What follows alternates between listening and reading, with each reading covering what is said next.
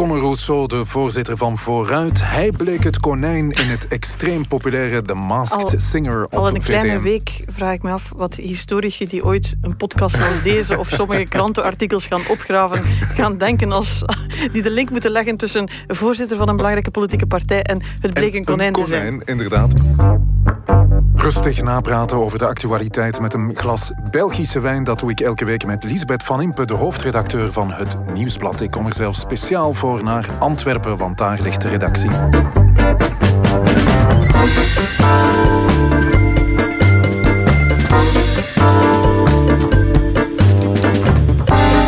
Dag Lisbeth, Dag Jeroen. ik ben Jeroen Roppe. Dit is het punt van Van Impe.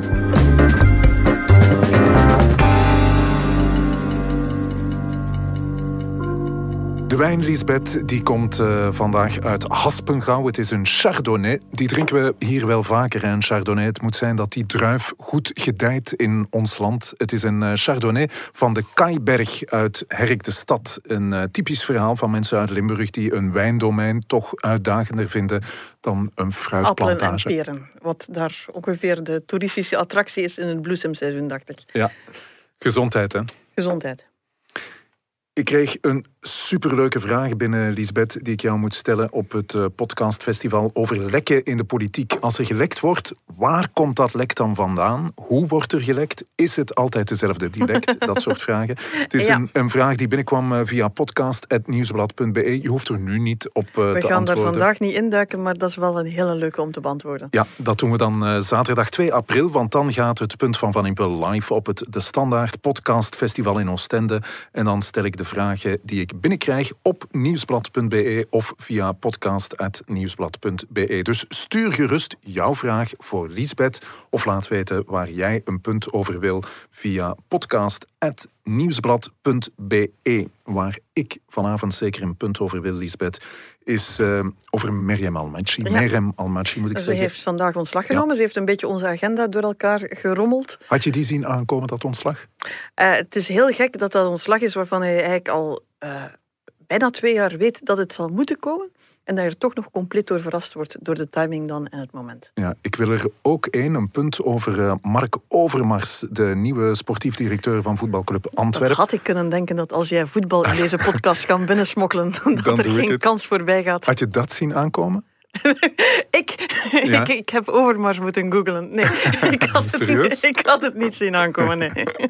Wat Oké. ons niet zal. Ik heb intussen gegoogeld met de kenners gesproken, dus we gaan het erover Oké, hebben. ik kijk uit naar dat punt. En ik wil er graag ook één over het konijn, dat eh, vooruit voorzitter Conor Rousseau blijkt te zijn. Wist jij dat al langer? Eh, het ging rond. Ik had al een paar keer zitten kijken. Ik dacht, het zou hem kunnen zijn. Het klopt ook wel een beetje met hoe ik hem ken. Eh, maar goed, ja, vrijdagavond was het dan de grote eh, ontmaskering, zal ik maar zeggen. Eh Conor Rousseau is een konijn en daar moeten we het over hebben. Denk Ja, ik. zou het natuurlijk ook eh, graag hebben over de oorlog in Oekraïne. Joe Biden, de president van de Verenigde Staten, is in ons land, is in, in Brussel. Maar wat de uitkomst is, dat eh, weten we natuurlijk Daar nog zitten we niet. een beetje te vroeg. Hè. Dus hij, hij gaat naar de NAVO, dan gaat hij naar Europa. Ehm, ik hoor dat Johnson ook geprobeerd heeft. De Britse premier heeft geprobeerd om zich te laten uitnodigen op die Europese Raad. Maar daar kunnen ze er niet Die meer mee lachen. gekregen. Zeker sinds hij gezegd de, de, de vrijheidsstrijd van de Oekraïners vergeleken heeft met de strijd voor Brexit. Toen hadden de Europeanen weer helemaal, waren ze weer helemaal mee om te weten waarom ze hem toch eigenlijk niet zo'n toffe vinden. Johnson is thuis mogen blijven, Biden zit op de Europese Raad.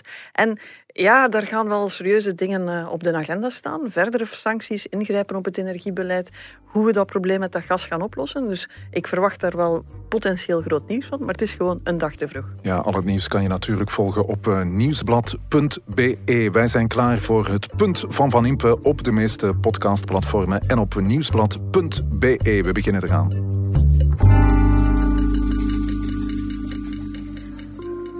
Mijn twee kinderen hebben nooit anders geweten dan dat ze een moeder hadden die heel hard werkte en heel weinig thuis was. En tijdens de lockdown kreeg ze plots een mama die veel thuis was, maar niet altijd met het hoofd erbij. En dat begon meer en meer te wringen. Meirem Almachi stopt als partijvoorzitter van Groen. Ze geeft ook meteen de reden mee, de fameuze work-life balance. Is dat volgens jou ook de echte reden, Lisbeth? Ik heb geen enkele reden om te twijfelen dat ze blij is als ze straks haar kinderen een stuk meer gaat zien en dat soort dingen weegt. Iedereen weet dat het politiek leven kan wegen op een gezin. Maar iemand die acht jaar voorzitter is geweest, die is die, die evenwichtsoefening al heel lang aan het doen. En ja, dan denk ik, dan zullen er ook nog wel andere redenen zijn om net dit moment te kiezen. Als je dan ziet dat de partij ongeveer in Frennekes ligt, op een absoluut dieptepunt zit, dat het echt niet goed loopt, dan denk ik dat we toch ook best eens naar de politiek gaan kijken en niet alleen naar het privéleven. Ja, het is effectief een raar moment, want uh, het gaat absoluut niet goed met uh, Groen. Hè. Van waar die timing? Ja, dat is dus eh, de vraag die niemand goed kan beantwoorden. Blijkbaar uh, is er binnen de partij top, laat zeggen de, de zes, zeven mensen die daar de top uitmaken, al een tijdje gesproken over, ja, Meirem je zou toch stilaan moeten, het loopt niet meer. Uh, er werd daar verweten dat uh, ze veel te chaotisch was, dat de partij niet op orde stond. Ze heeft dat met een half woord trouwens in haar afscheidsspeech ook wel een beetje toegegeven. Zij het zeer omvloerst. Uh, van de andere, de anderen zijn directer zeggen het was chaos. Je zit op vergaderingen die alle richtingen uitschieten. We weten niet wat de lijn is, we weten niet wat de communicatie is. En het schiet ook alle kanten uit. We overleven de interviews in, in studio's niet. We komen iedere keer buiten met, oh, we hadden dat ook beter moeten afspreken. Dus de kritiek was echt wel zeer scherp en, en aanhoudend. Um, blijkbaar was er afgesproken dat ze zelf haar moment mocht kiezen, maar dat het toch binnenkort eens moest gaan gebeuren. Um, goed, dan denk je, er is toch een soort van draaiboek gemaakt en dan merk je vandaag dat diezelfde kopstukken eigenlijk voor een groot stuk verrast waren door dan de concrete timing. Ja, niemand wist van iets. Wel, ze wisten dat ze binnenkort zou ontslag nemen. Ze dachten eerder dat volgende week zou zijn. Plots komt daar een uitnodiging. Tina van der Straat zat in Parijs, geraakt daar niet. Omdat, ja. ja je kent dat, hè, een voorzitter die ontslag neemt, moet eenheid uitstralen. Dus al die kopstukken moeten daar zo'n beetje op de achtergrond komen staan. Iedereen ziet direct dat Tina van der Straat, waarvan iedereen weet dat het tussen die twee al lang niet meer botert, dat die daar niet tussen staat, begint daar van alles achter te zoeken. Ja, nee, die zat gewoon in Parijs, die wist van niks. Die geraakte er niet. Dus je voelt binnen de, de top wel enige... Uh, ont, dat toch veel mensen zich afvragen van ja, waarom nu? Ook omdat die timing toch behoorlijk vreemd is. Ja. Sinds vrijdag staat Groen voor de quasi onmogelijke opdracht om uit te leggen dat de bocht rond de kernuitstap eigenlijk wel meevalt. Dat ze ook nog eens gascentrales gaan bouwen, dat dat eigenlijk ook wel meevalt. Dat dat allemaal deel is van een of ander gek groot plan. En dat de compensaties die ze uit de brand gesleept hebben, waar ze vorige week zeiden we willen 8 miljard, buitengekomen zijn met 1 miljard, dat dat allemaal grote overwinningen zijn. Je staat er al voor een, een compleet onmogelijke communicatieopdracht en dan zegt je voorzitter, voorzitter dit is nu wel eens het moment waar ik de handdoek zou, zou smijten, waarmee je nog meer onderstreept dat eigenlijk ja, de handen leeg zijn. Ja, jij hebt uh, wel vaker ontmoet, uh, Lisbeth, de afgelopen jaren. Wat voor iemand is Almachi als je haar uh, tegenover je hebt? Ja, dat is, een, dat is een getalenteerd politicus, zeer gedreven. We weten allemaal hoe ze kan, kan spreken met overtuiging en, en zich helemaal smijt als ze in, in debatten en op televisie zit. Uh, iemand die behoorlijk veel bagger over zich gekregen heeft. Het is niet makkelijk voor vrouwen, het is niet makkelijk voor vrouwen van allochtone afkomst. Uh, dat, dat, dat weten we allemaal. Alle politici krijgen bagger, maar zij nog net iets meer. Um, dus iemand die zich, zich helemaal gesmeten heeft, maar zoals ik al zei, ook vrij chaotisch. Typisch Meirem werd vroeger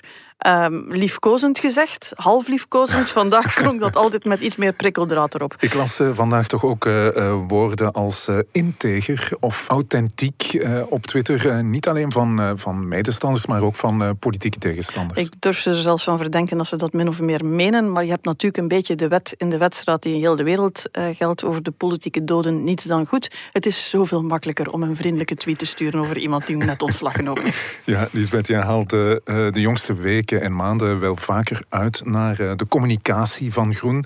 Eh, zit daar nu de grote uitdaging van, van de opvolger van Almaty?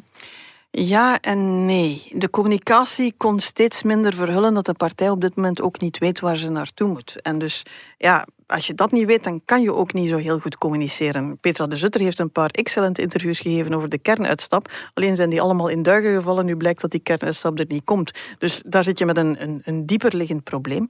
En eigenlijk gaat het al terug naar de verkiezingen van 2019. Bij veel partijen trouwens. Ik bedoel, je zat een, een, een schare voorzitters die eigenlijk allemaal teleurstellende verkiezingen hebben gehad. Je kan zeggen, en Meira Malmasje, het is tekenend, in haar afscheidsspeech zegt ze nog eens van ja, jullie cynische journalisten, jullie vergeten dat we 2% gegroeid zijn bij die laatste verkiezingen. Ja, maar we zijn niet vergeten dat er klimaatmarsen waren, dat Anuna de Wever de nieuwste bekende Vlaming was. Ja, de verwachting was echt dat uh, Groen veel, veel beter zou ja, scoren. dat Ecolo dat wel verzilverd heeft en Groen niet. En ik weet niet of je die reportage gezien hebt van Paul Jambers op verkiezingsavond. Die volgde toen Meirem Almasje en Christophe Calvo.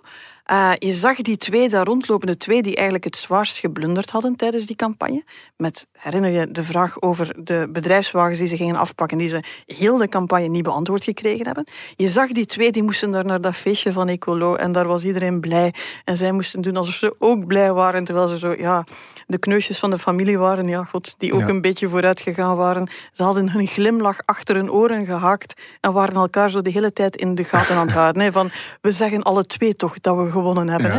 Je zag daar al de, de, de kloof tussen die twee groeien. Ze zijn dat blijven volhouden. De dag erna, al die voorzitters hadden eigenlijk, ik heb het ook, denk ik, bijna allemaal persoonlijk gezegd, ik vind dat ze toen allemaal hadden ontslag moeten nemen. Breng vers bloed binnen, vernieuw die partij, zorg dat er, dat dat, dat er weer groei in komt. Nee, ze hebben daar allemaal heel lang over gedaan. Meirem Almasje nu zelfs twee jaar. En het krediet dat ze net na de verkiezingen nog had, daarvan moet je zeggen dat ze het binnen de partij volledig kwijtgespeeld is. Je noemde daar uh, Christophe Calvo, Lisbeth um, van Groen. Die kreeg uh, toen geen ministerpost na de verkiezingen um, van Almaty. Keert die nu terug op het voorplan, denk je? We zijn aan het rondbellen en eerlijk gezegd, ik hoor evenveel namen als er potentiële strekkingen voor groen zijn, denk ik. Dus dat bewijst ook dat ze het niet zo goed weten. Hè. Christophe Calvo, maar goed, de man is geen minister geworden omdat de leden zeiden van we hebben liever Petra de Zutter en, en Tine van der Straten. Zou hij het nu wel halen als het gaat over het voorzitterschap? Het is iemand die meer verdeeld voor- en tegenstanders heeft. Um, je hoort ook de naam van Wouter de Vriend, de fractieleider in de Kamer, de naam van Bjorn Joska, de fractieleider in het Vlaamse parlement. Je weet dat je heel sterk groepen klans hebt in Gent en in, in Brussel. Je weet dan dat er in de partij zijn die vinden dat Gent en Brussel al te veel lakens aan het uitdelen zijn. Uh, er circuleren op dit moment veel namen. Ook die van Petra de Zutter bijvoorbeeld. Iedereen heeft intussen gezien dat zij ja, vrij goed, vrij rustig. figuur. Eh, ja, heel verbindend, noem maar op. Dus die wordt ook al genoemd. Dus op dit moment, ja, ze hebben eigenlijk meer kandidaten dan ze kopstukken hebben. Ja, uh, wie wordt de opvolger, denk je? Uh, wordt het iemand die uh, van Groen een, een radicalere partij maakt, een groenere partij? Ik denk dat dat zeer hard zal afhangen van, van wie daar uiteindelijk zit, welke koers dat hij uitzet. Maar hij zit in ieder geval, hij of zij staat voor de uitdaging om Eén, dat imago dat weer blijvend gegroeid is. En laat zeggen, de politieke tegenstanders doen er alles aan om dat heel dik in de verf te zetten. Maar goed, ja, dat is nu eenmaal wat politieke tegenstanders doen. Het idee van groen, dat is een partij voor de mensen die het zich, die het zich kunnen permitteren om groen te zijn. Een beetje de naïeve stedeling met zijn bakfiets en zijn warmtepomp en zijn zonnepanelen en, en noem maar op. Maar niet iets voor de gewone man. Dat is een beeld dat altijd... Ik zeg zelfs niet dat het terecht is, maar ze krijgen het heel moeilijk gecounterd. Dus daar moet je een antwoord op zien te verzinnen. Maar er is een probleem bijgekomen. Je zit in die federale regering, dat is een moeilijke regering. Groen probeert daar het bindmiddel te zijn, maar ze zijn ongeveer de enige die proberen een bindmiddel te zijn. En als het gaat over hun persoonlijk palmares, de dingen waarmee, ze als, waarmee hun ministers straks in de foldertjes kunnen gaan staan voor de verkiezingen en de Instagram-posts en noem het maar op, waar ze mee kunnen uitpakken, dit hebben wij verwezenlijkt, dat dreigt bijzonder mager uit te vallen. Uh, dat probleem ga je moeten oplossen. Die moeten daar een, een, een, een tweede adem krijgen en moeten beginnen werken aan een discours waarmee ze ooit naar de kiezer kunnen. Je kan niet anders. Ja, dat uh, zou het werk van de federale regering wel eens uh, moeilijker kunnen maken natuurlijk het is een partij die het niet in zich heeft om echt superlastig te gaan doen of te beginnen dreigen dat ze er zouden uitstappen of zo. Maar er kan een soort van malaise insluipen die maakt dat het ook een partner is die eigenlijk niet meer op zijn gemak in die coalitie zit. En eigenlijk voor iedere morsel grond moet beginnen vechten. En bij Groen weten we, 2003 zijn ze ooit van het uh, bord gevaagd door de kiezer. Ja, als die schrik daarin sluipt, dan wordt dat een beetje een, ja, een balorige, lastige partner die niet goed in zijn vel zit. Ik probeer jouw punt uh, te maken, Lisbeth. Almaci had eigenlijk uh, vroeger ontslag moeten nemen, zeg je, bij Groen. En uh, de opvolger van Almaci die moet wel dringend een aantal groene trofeeën binnenhalen. Merem Almaci heeft, en laat het een voorbeeld zijn voor velen, bewezen als je te lang wacht om te gaan, dat je eigenlijk nooit meer een goed moment vindt om het dan wel te doen. Het punt van Van Impe.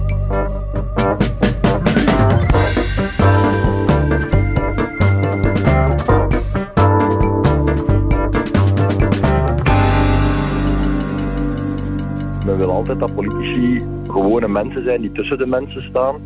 Uh, ik ben ja, een gewone gast van 29 die, die naast zijn job, waar ik elke dag mee bezig ben, uh-huh. ook van zomer een keer iets anders wou doen. Het is opgenomen in een periode dat iets rustiger was voor mij. Het was in de weekends op zondag, dus dat ging. Uh, het is tien maanden geleden opgenomen. Hè. Je hoorde Conor Rousseau, de voorzitter van Vooruit. Hij bleek het konijn in het extreem populaire The Masked Singer op Al een kleine week vraag ik me af wat historici die ooit een podcast als deze of sommige krantenartikels gaan opgraven, gaan denken als die de link moeten leggen tussen voorzitter van een belangrijke politieke partij en het bleek een konijn, een konijn te zijn. Inderdaad, een konijn dat heel goed kon zingen, een goede show opvoerde, maar wel een heel belangrijke politieke functie heeft natuurlijk. Je hoorde hem op eh, radiozender M&M maandagochtend hij zat uh, ook op Q-Music trouwens die ochtend. Maar op Radio 1, waar ze hem over uh, serieuze zaken wilden spreken, daar kregen ze hem niet te pakken. Wat vond je daarvan? Dat moest daar over de kernuitstap gaan. Hè. En hij was inderdaad aan het eh, zingen volgens contractuele verplichtingen. Ik had de indruk dat hij wel door had dat hij dat rap moest terechtzetten. Ik denk dat hij smiddags al op de radio zat en dat hij tegen s'avonds al op ter zake zat. Uh, dus ja, het was duidelijk dat hij ook wilde duidelijk maken. Ja, ja ik doe ook nog de serieuze dingen. Ja, Conor Rousseau, die meedoet in dat super populaire programma. Hij zegt, ik ben er ook, ook maar een gast van 29 en ik wil mij ook maar een beetje amuseren. Ja, dan kan hij ook bij een kinderkoor gaan. Uh, hij zit daar natuurlijk omdat hij kiezers wil bereiken. Hè. Laat ons niet flauw doen. Er zijn andere manieren om je op een vrijdagavond een beetje te amuseren natuurlijk. Hij weet natuurlijk dat dat, dat programma een gigantisch potentieel heeft. Dat is, van, dat is wat we natte haartjes televisie noemen. Hè. Iets waar gezinnen, vaak met jonge kinderen, vrijdagavond allemaal samen in de zetel naar kijken, gigantische fan van zijn. En uh, ja, daar bereik je gewoon gigantisch veel mensen mee. Ja, heb jij trouwens zelf gekeken? Ik heb stukken gezien nu. Ik had geen flauw benul dat het uh, Conor Rousseau was. Dus ik ben er een paar keer voorbij gezapt. Ik was geen trouwe kijker. Ik denk dat we nu uh, Bert Heijvaart, onze producer, er moeten bijhalen. Want hij heeft mij verteld dat hij wel een zeer trouwe kijker Bert, was. Zeg ja. eens, uh, wat vond jij van de Masked ja, ik, Singer? Ik ben inderdaad verplicht trouwe kijker, ook door mijn dochters. Maar ik vind het ook wel gewoon een tof programma eigenlijk. En um, ja, wat, wat Konijn betreft, dat was echt het populairste figuur uit heel dat programma. Um, heel coole kerel. Zo'n zo pak uh, dat, dat op een rapper, hiphopper leek. Uh, en hij was constant ook Ruud Beekmans aan het verleiden in de jury. En dus je denkt de hele tijd, ja, daar moet echt een coole gast in zitten. Zo de, de, de, de, namen waarmee hij geassocieerd werd, was ook van het coolste dat je in dit land ja, vindt. Ja, ja, ja, ja, ja. Arbis en zo. Ja, Hakim Shatar en zo, van die DJ's. Ja, dat, dat waren echt de coole mannen. En dan doet hij dat hoofd omhoog. En dan zie je de verbazing bij iedereen van oh my god, dat is gewoon Conor Rousseau. Dus op zich kan je dan op dat moment niet ineens een klik maken van, oh, het is maar een politicus. Ja. Nee, het was wel het konijn nogal. Een coole kerel die uh, blijkt voorzitter te zijn van een politieke partij. Ik denk dat dat een beetje het ding is. Ik denk dat er, als ik alle kwaaie uh, opiniestukken las van mensen die zeiden dat haalt toch de serieus van de politiek naar beneden. En voor alle duidelijkheid, iedereen mag dat vinden. Hè. Maar je voelde wel dat er ongeveer nul overlap zat tussen de kwaaie mensen, die vonden dat het serieus van de politiek er nog eens aangegaan was, en de mensen die gewoon naar de Masked Singer hebben gekeken. En dat is natuurlijk hetgeen wat zo'n politicus, zo'n toppoliticus beseft. Je hebt gewoon verschillende publieken, je hebt verschillende soorten burgers, kiezers, noem maar op, potentiële klanten van het politiek systeem. En je moet die op verschillende manieren aanspreken en bereiken. Onderzoek bewijst dat trouwens ook. Hè. Wie heel dicht op politiek zit, vaak ja, de kranten leest en hoogopgeleid is, die vindt dat verschrikkelijk. Maar je hebt een ander soort uh, burgers die iets minder met politiek bezig zijn, die op vrijdagavond naar de Masked Singer kijken en denken van, allee, die jongen kan beter zingen dan ik dacht. Ja, maar toch denk ik, uh, Elisabeth, in andere landen zie je zoiets toch niet? Het, we zijn een beetje platgekookt. Hè. We zijn er heel gewoon aan geraakt. Um, we zijn ook gewoon dat eigenlijk toppolitici van hun generatie altijd wel een manier vinden om op een of andere meer volkse manier of, of een beetje een atypische manier te connecteren. Je kan hier eigenlijk bijna teruggaan tot, tot Jean-Luc je, de premier. Um, Sjaal van uh, Club Brugge rond de nek. Ja, een van die beelden die iedereen nog weet naast dat hij daar in de Verenigde Staten op een mechanische stier heeft gezeten en zei let the beast go. En dat hij ook daarmee wegkwam. En Servijver Herstraten heeft dat dan jaren Ja. later ook eens geprobeerd. kwam er niet mee weg. Dat blijft een van de meest hilarische foto's van vorig jaar, denk ik. Ehm, maar goed, een van die beelden is, je weet dat waarschijnlijk nog, Jean-Luc Dehane in zijn zetel, op zijn sletsen, in een shortje, Naar naar het voetbal kijken. een match van Club Ja. Brugge, Europees, weet ik wat het was, aan het kijken. Jean-Luc Dehane moest toen aan de natie duidelijk maken... Ik wil de Europese Commissievoorzitter worden. Ik ben het niet geworden, maar ik ben terug premier en ik ga dat met volle goesting doen. Je kan dat in een speech doen. Je zou dat vandaag in een tweet kunnen doen. Je kan dat in een regeringsmededeling doen. Of je kan in je zetel gaan zitten, een pintje opentrekken, naar de voetbal kijken en aan iedereen duidelijk maken, niks aan de hand. Als dat klopt, Ja, als dat authentiek is, ja. Dan pakt dat. Dat is ook Steve Stevart, die kookboeken begon te schrijven. En heel zijn partij zei van, je moet ook interviews geven aan de dag allemaal, want niet iedereen leest de Ja. opinierubriek van de Standaard. Dat klopte. Hij was een cafébaas, hij was een ex-kok. En dat klopte dat hij dat soort dingen deed. En Conor Rousseau in The Masked Singer, dat klopt ook. Ik zag hem ook in De Slimste Mens een paar maanden geleden. Eh, mag ik stellen dat hij beter kan zingen dan quizzen? Absoluut. Dat had hij totaal niet door hoe hij dat moest doen. Ik kan je nu op een blaadje geven, als er nog een seizoen van een Masked Singer komt, dan zullen die producers van dat programma discreet benaderd worden door medewerkers van politici, die polsen of dat er een mogelijkheid is dat hun politicus ook eens in zo'n pak mag kruipen. Allemaal omdat ze plots denken van, ja, dat heeft gewerkt voor de Connor, wie weet werkt dat ook voor mij. Ja. Datzelfde fenomeen zien we nu ook al jaren in De Slimste Mens. Hè. Dus het verhaal, Bart de Wever heeft daar zijn politieke carrière een serieuze jumpstart gegeven. Ja. Dus je moet in maar De Slimste dat was Mens nu zitten. eenmaal iemand die beter kan dan zingen. Maar het zijn twee dingen. Hè. De slimste mens, en dat is wat Conor niet door had. Want Conor Rousseau die heeft er redelijk lang in gezeten, was niet super slecht aan het quizzen, maar hij pakte dat veel te serieus. De slimste mens gaat over twee dingen. Goed kunnen quizzen en met je eigen kunnen lachen. Er is een tijd geweest dat Bart Wever dat zeer goed kon met zichzelf lachen. Hij heeft dat een beetje afgeleerd. De Bart Wever vandaag in De Slimste Mens zou waarschijnlijk maar half zo grappig meer zijn, maar half zo goed aanslaan. Maar op dat moment plakte heel dat format op Ja. eh, de, de, de, de jonge Bart de Wever en kon klopte. hij ermee scoren. Ja. Het kan alleen maar als het klopt. Conor Rousseau heeft me ooit gezegd, als het ging over van, ja, partijvoorzitter worden op die leeftijd, waarom had je geen andere plannen? Dat is ja, ja, zo Cardi B, daar zo manager van zijn. Je ziet dat, ik zag hem toen lopen op de dijk van Blankenberg en ik dacht, dit, dit- dit klopt, ja, ik geloof het. Eh, en Manager ik- van Cardi B of voorzitter van de Socialistische Partij. dat is ook het, het, het ding natuurlijk. Hè. We hebben niks bijgeleerd over Conor Rousseau. Degenen die nu zeggen van dat gaat hem aangerekend worden. Ja. Dan denk ik, we hebben toch niks bijgeleerd dat we nog niet wisten. Er zijn mensen die zeggen dat is eigenlijk een oppervlakkige gast die veel te dure sneakers draagt en rare truien die veel te veel geld kosten. En nu is hij ook nog eens een konijn. Dat waren mensen die sowieso al niet gecharmeerd waren door eh Rousseau.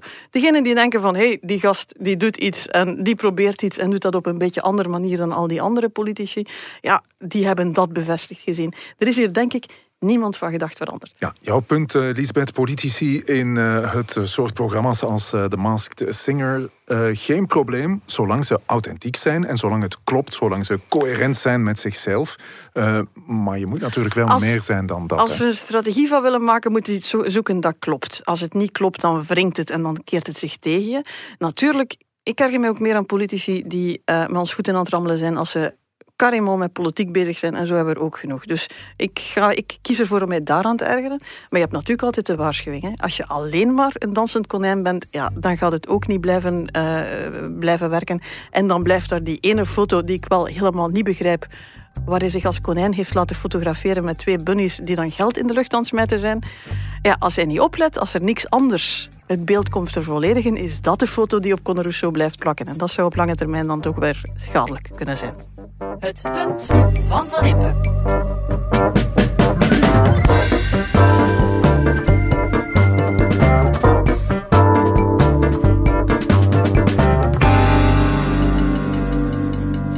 Eh, we kennen allemaal uw parcours, heel veel succes bij Ajax, maar dan op een eh wrange manier vertrokken. Hoe blikt u terug op die situatie waardoor u bent verplicht te vertrekken bij Ajax? Ja, die bladzijde die wil ik eh, achter me laten en ik wil een nieuw hoofdstuk beginnen. En dat wil ik hier doen. Mark Overmars, ooit een geweldige voetballer. Lisbeth, je hebt hem gegoogeld. Je hebt wellicht eh, video's heb gezien van gezien, ja. Overmars bij Barcelona, bij Arsenal vooral. Eh, eh, en eh, directeur voetbalzaken de uh, jongste jaren bij Ajax. Hij bereikte daar ook schitterende resultaten. Maar aan die job kwam een einde toen bekend raakte dat Overmars gedurende een lange periode dickpics en ongewenste seksuele berichten stuurde naar meerdere collega's. Een paar weken later wordt Overmars doodleuk aangekondigd als sportief directeur van Antwerp. Ja, Tijd voor een nieuw hoofdstuk. Ze dachten daar duidelijk, er staat er hier in de solden en we gaan die, we gaan die meegrabbelen aan de kassa. Ja, het nieuwe hoofdstuk kwam ook opvallend snel na het vorige. Hè? Snelheid is een probleem, uh, maar het gaat, het gaat wel verder. Hè. Iemand kan natuurlijk heel snel tot grote inzichten komen, zijn hele leven omgooien en zeggen van ik ga het nooit meer doen. Maar eigenlijk zag je aan heel die persconferentie en heel die setting in al zijn triestigheid, dat ze er eigenlijk zelfs duidelijk over nagedacht hadden. Ze kwamen met de platitude dat, zelf zei ik wil de pagina omslaan zonder eigenlijk goed te specifieren wat dat dan zou moeten uh, ja, je had niet de indruk dat uh, Overmars uh, spijt had of, of, of schuldinzicht had? Ik had de indruk dat hij dacht van, dat is nu al afgehandeld. Kom, we zijn al verder. Laten we allemaal samen naar een glorieuze toekomst rijden, want allee, ja, we hebben een nieuw verhaal.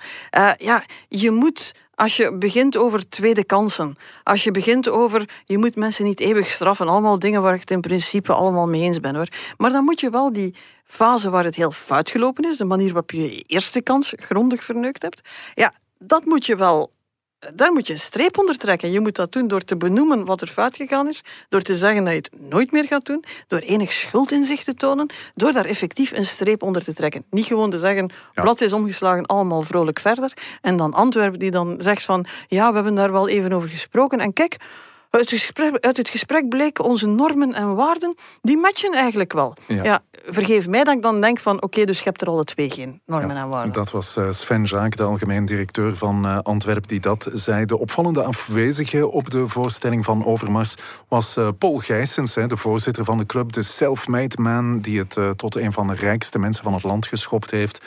heeft hij nu de situatie verkeerd ingeschat, Lisbeth? Dat lijkt mij het understatement van de week. Je voelt ook, er stond uh, denk vandaag bij ons een stuk in de krant waar ze eigenlijk ook wel doorhebben dat de boodschap die ze wilden brengen, of dat het toch in ieder geval helemaal verkeerd gevallen is. Dus nu klinkt uit de entourage dat, dat ze het daar wel belangrijk vinden, dat ze ook garanties in het contract gestoken hebben en dat kan allemaal wel. Maar ik denk wel voor iets waarvan je van mijlen ver kan zien hoe gevoelig het zou kunnen liggen, hoe verkeerd het kan vallen. Ga dan zelf op die persconferentie zitten verdedig je keuzes, leg uit welke garanties je hebt, zorg ervoor dat daar de juiste dingen gezegd worden en niet de platitudes waaruit die persconferentie nu opgetrokken was en waar ik het toch vooral moet concluderen dat de man heeft een neus voor zaken, dat hij gedacht heeft, ik kan hier een zaakje doen. Ja, uh, Lisbeth, ik moet eh, zeggen, ik ken het eh, voetbalwereldje een beetje. en ik zag ook de, de reactie van de supportersfederatie van ik Antwerpen. kan dat me was er iets bij voorstellen. Gewoon, eigenlijk zeiden ze gewoon, Overmars, laten maar komen. want hij is meer dan welkom. stel, Antwerpen pakt de titel. heel Deurne wordt zot. En over grensoverschrijdend gedrag spreekt niemand meer. Dat is iets voor al die ja, de pussies die daar ja, allemaal supporters die willen resultaten. En Overmars staat garant voor uh, resultaten. Ik denk dat, uh, het kan best zijn dat een groot deel van de supporters zo denkt. Ik heb ook in verschillende stukken ook wel supporters gezien die daar toch wel wat bedenkingen bij hadden. Het is allemaal, het zou met elkaar moeten te verenigen zijn, maar je kan niet doen alsof je niet in de wereld leeft waarin we vandaag leven. Dat MeToo gewoon een verzinsel is van wat hysterische vrouwen die supporters die mogen wat mij betreft doen wat ze doen, zeggen wat ze zeggen. Het is aan een club om ervoor te zorgen dat ze het juiste signaal uitzendt, dat ze duidelijk maakt dat ze de juiste dingen belangrijk vindt en dat het niet alleen gaat over de beker no matter what of kampioen no matter what. Dat is de verantwoordelijkheid van, van Gijzens en van, van het bestuur van Antwerpen. Ze hebben die kans royaal gemist. En ja, een deel van de supporters geven hen gelijk. Vergeef ons dan, degenen die misschien met wat meer afstand kijken en dat voetbal iedere keer opnieuw terug zien opduiken in verhalen die bepaald onfris zijn, die eigenlijk niet te verantwoorden zijn. Ja, het imago van het voetbal. Ik, ik ga ervan uit dat jij daar ook met een, een, een halfbloedend hart naar kijkt, maar het wordt iedere keer opnieuw besmeurd. Ja, uh, Lisbeth, ik voorspel nu de komende weken uh, heel wat initiatieven van Antwerpen uh, om het blazoen wat op te poetsen. Misschien zelfs een mea culpa van Overmars. is het dan oké voor jou? Je hebt maar één kans om een eerste indruk te maken. Dat is een, een, een heel uitspreekwoord. Um, een mea culpa nu zal altijd nog opportunistischer klinken, dan had hij het meteen gedaan op die persconferentie waar het eigenlijk had moeten gebeuren. Ehm, ze gaan proberen, hè, maar dit is een beeld dat heel moeilijk terug recht te trekken is. Ik uh, zag ook op Twitter een paar uh, personeelsuggesties voor Antwerpen. De nieuwe clubarts, heb je die uh, Ik zag het, Jeff Hoeibergs, helemaal gepast. De nieuwe woordvoerder?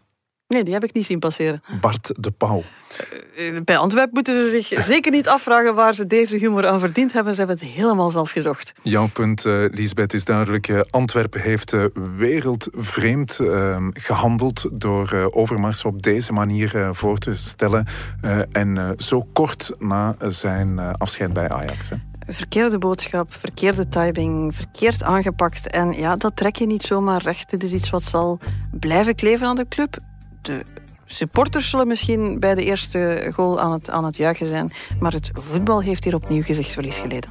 Het punt van Van Impe.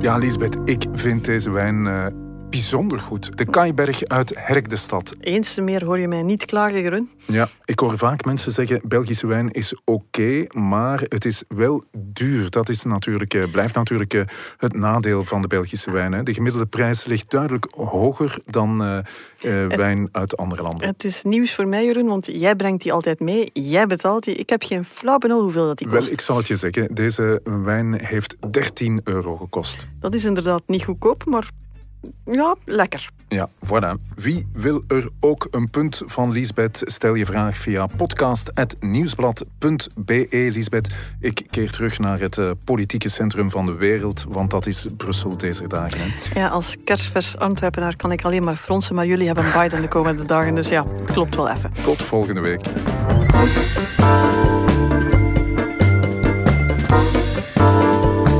Was het Punt van Van Impe, een podcast van het Nieuwsblad. Je hoorde de stemmen van hoofdredacteur Liesbeth Van Impe en van mezelf, Jeroen Roppe. Dank aan de VRT voor de audio-quotes, aan Pieter Schrevers voor de muziek en aan Pieter Santens van House of Media voor de montage. De productie was in handen van Eva Michom en Bert Heijvaart. Tot het volgende Punt van Van Impe.